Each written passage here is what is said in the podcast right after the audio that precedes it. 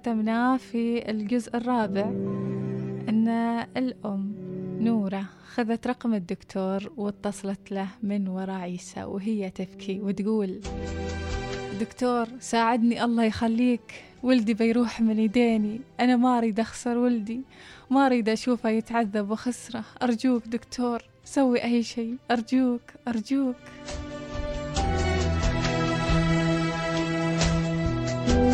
والجزء الأخير من قصة عيسى. رد عليها الدكتور وقالها ولا يهمك يا خالتي نورة إن شاء الله برتب كل الأمور. أنت هدي الحين ولا تحاتين شيء.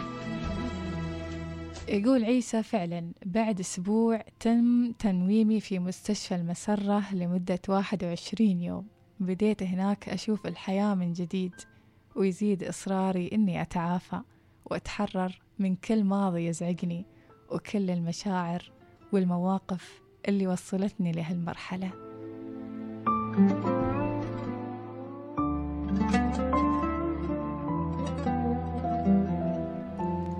ويوم من الأيام وأنا في المستشفى حصلت والدتي وعمي سالم وأبوي بالصدفة في أحد المراكز التجارية فوقفهم يسألهم عن حالي ويطمن علي فخبروه إني منوم في المستشفى وإني بديت أتلقى العلاج.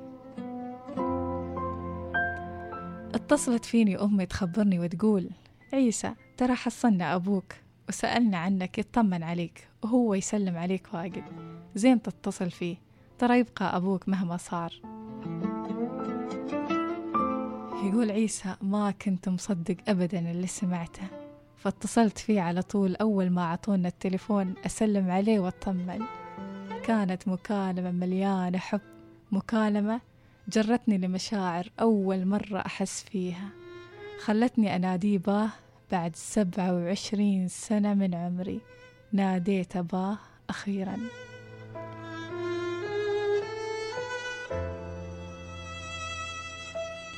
وفي اليوم الأخير اللي طلعت فيه من المستشفى سلموني في كل عهدتي من تليفون وغيره. وأنا طالع من باب المستشفى ماخذ أغراضي بيدين ومصحفي باليدين الثانية. وقفت على الباب وفتحت تليفوني. فيان اتصال على طول من أحد أصدقاء السوء اللي كنت معاهم.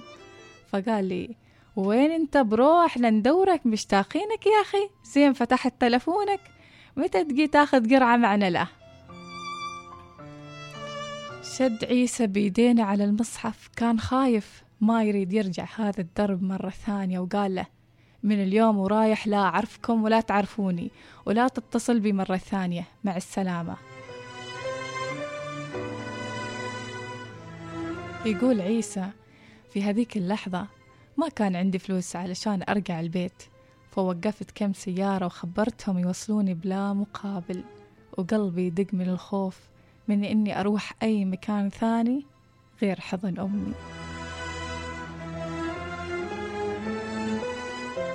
ووصلت ودقيت باب عمي سالم.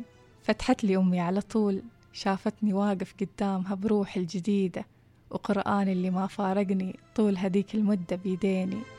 حضنتني حضن طويل طويل طويل وأنا أقولها ما سامحيني ما. سامحيني الله يخليش بهدلتش معي. وقفت لش الوسواس؟ سامحيني أرجوش سامحيني.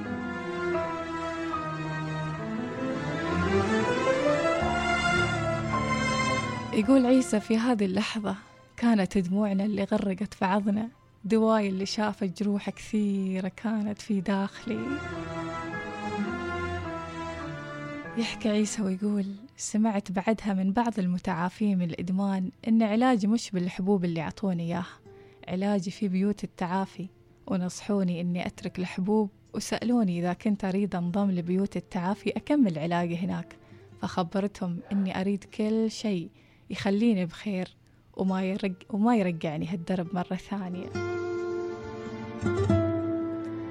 ودخلت بيوت التعافي اللي لين اليوم أسميها مكان ولادتي الجديدة. هناك عرفت من أنا وإيش مشكلتي وكيف أتعامل مع كل ألم وحزن وحرمان. وبدون ما أسلك هذا الدرب وفي أيامي هناك كانوا الأخصائيين اللي عرفوا قصتي كلها من الألف إلى الياء. يتواصلون مع والدي يخبرونا أن عيسى والنعم فيه بس الإدمان مرض وعيسى ما عرف يسيطر عليه. ولا عرف كيف يتعامل مع صدمات طفولته ولا حصل السند اللي يحكي له ويحتويه بألم اللي عاشه ويفهم معاناته. وقالوا له أن تعاون الجميع مهم في هالمرحلة علشان يتعالج عيسى نهائياً. يقول عيسى في هذيك الفترة شفت أبوي واحد ثاني كان يهتم فيني وياخذني معه في أيام الإجازة يوصلني المركز ويرجعني ويرسل لي مصروف وتقوت علاقتي فيه. وبعدها بعد ما كملت ستة شهور وتخرجت من بيوت التعافي اللي في المسرة جاء أبوي ياخذني معه للبيت وهناك فاجئوني بأحلى اللحظات اللي عمري ما عشتها من قبل. لحظات كلها مودة ورحمة. سوولي هناك حلف حفلة مليانة كيك وحلويات وليتات زينة فرح. فرحت قلبي لين هاللحظة اللي أحكي لكم فيها هذه القصة. ولين اليوم وأنا الصديق الأقرب لأبوي اللي يعتمد علي ويأمني على حلاله ويفضفض لي. وفضفض له. وبعد كم شهر اشتغلت سائق في أحد المختبرات ولما شافوا التزامي رقوني لوظيفة مساعد فني في المختبر نفسه وهناك زادوا راتبي بعد.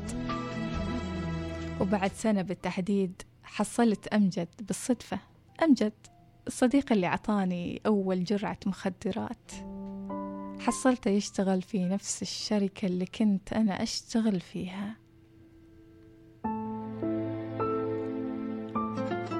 لما شافني ارتعب يقول لي أنت وين؟ ما جيت معنا من زمان. رد عليه عيسى وقال له خلاص أنا ودرت هذا الدرب ولا أريد أرجع له مرة ثانية. قال له أمجد من وجهك واضح لا تركت ولا هم يحزنون. يقول لعيسى ما أسمح لك تكلمني كذا. إذا أنت تشوف أني ما تشافيت هذا راجع لك. أنا عارف نفسي وأن هالدرب ما دربي. وفي هاللحظة طلع أمجد من جيبه مادة المخدر يغريه فيها. يقول عيسى مد يدينه يعطيني إياها مثل أول مرة. فقلت له هذه حالك يا أمجد ما حالي. أنا خلاص رايح. وتركته. تركته وأنا طالع. قال لي عيسى عيسى لحظة تعال أرجوك. عيسى تعال خبرني كيف تعالجت. إيش سويت؟ أنا تعبان يا عيسى تعبان. أريد أتعالج. خلصني يا عيسى خلصني أرجوك. يقول عيسى أنا ما التفت له رحت عنه لأني ما أريد يجرني للورا بعد مشوار طويل قطعته. كان صوته يتردد في بالي فتواصلت مع مجموعة متف... متعافين. علشان يروحون يكلمونه ويخبرونا بالطريقة اللي تعالجت فيها. وفعلا تعافى أمجد وصار عنده اليوم بيت أولاد ووظيفة الحمد لله.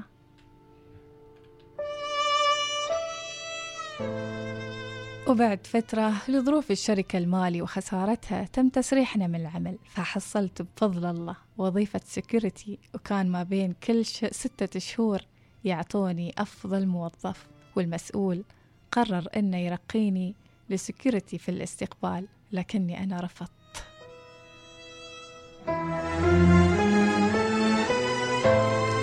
كان صوت أمجد وهو يناديني يتردد في داخلي وفي بالي كل المدمنين اللي مروا في حياتي. شي في داخلي يقول عيسى أنت ما, مك ما مكانك تحرس مباني أنت مكانك تحرس فكر وشباب وبلاد بكبرها. عيسى كثير محتاجينك توقف معاهم وتاخذ بيدينهم ومثل ما أنت نجيت من سم المخدرات لازم تساعدهم وتنقذهم. فقدمت على وظيفة معالج ومرشد نفسي للمدمنين من المخدرات في أحد المراكز الصحية ولين اليوم الحمد لله أشوف بعيوني المئات المئات اللي يتعالجون. ويتشافون وفي كل مرة أحس بطعم الحياة وأقول الحمد لله. يقول عيسى اللي وصل عمره خمسة وثلاثين سنة. الحين أكمل سبع سنوات وأربعة شهور بعد رحلة التعافي. عايش الرضا والحب والفرح لأني حصلت نفسي وحصلت رسالتي العظيمة اللي خلقني الله عشانها. صحيح أني خطبت سبع مرات وانرفضت بس راضي وعارف أني جالس أسدد كل فواتير الماضي اللي رحت له بيديني وواثق من الله أن عنده العوض الجميل في الوقت المناسب.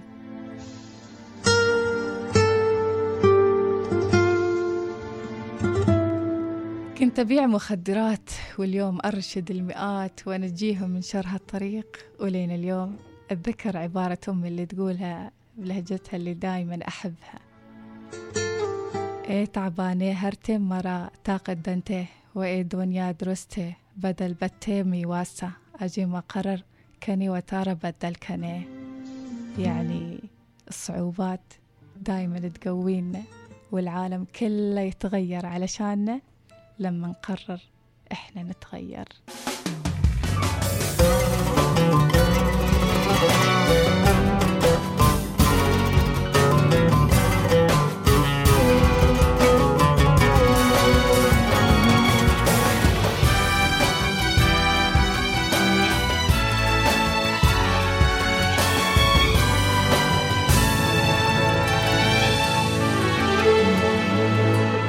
ما بنكسر صابر لو فرصتي تمضي. والحظ لو عاثر بصنع أنا حظي ما بنكسر صابر لو فرصتي تمضي. والحظ لو عاثر بصنع أنا حظي لو تنثر احلامي برجع ارتبها ولو تصعب أيامي بعيش ومحسبها. برجع أيامي بعيش ومحسبها يا مسهل الدنيا مهما تعاندنا مهما تعاندنا.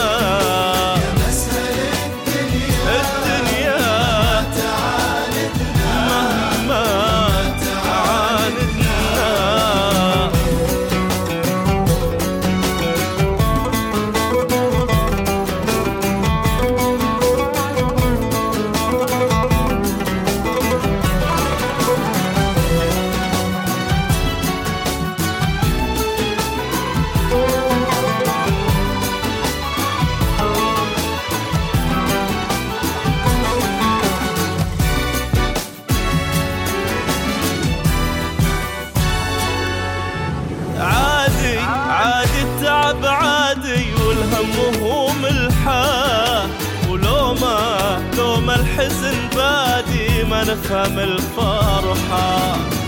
عادي عادي التعب عادي والهم هو ملحاه ولو ما لو ما الحزن بادي ما نفهم الفرحة. ما بنكسر صابر لو فرصتي تمضي. والحظ لو عاثر بصنع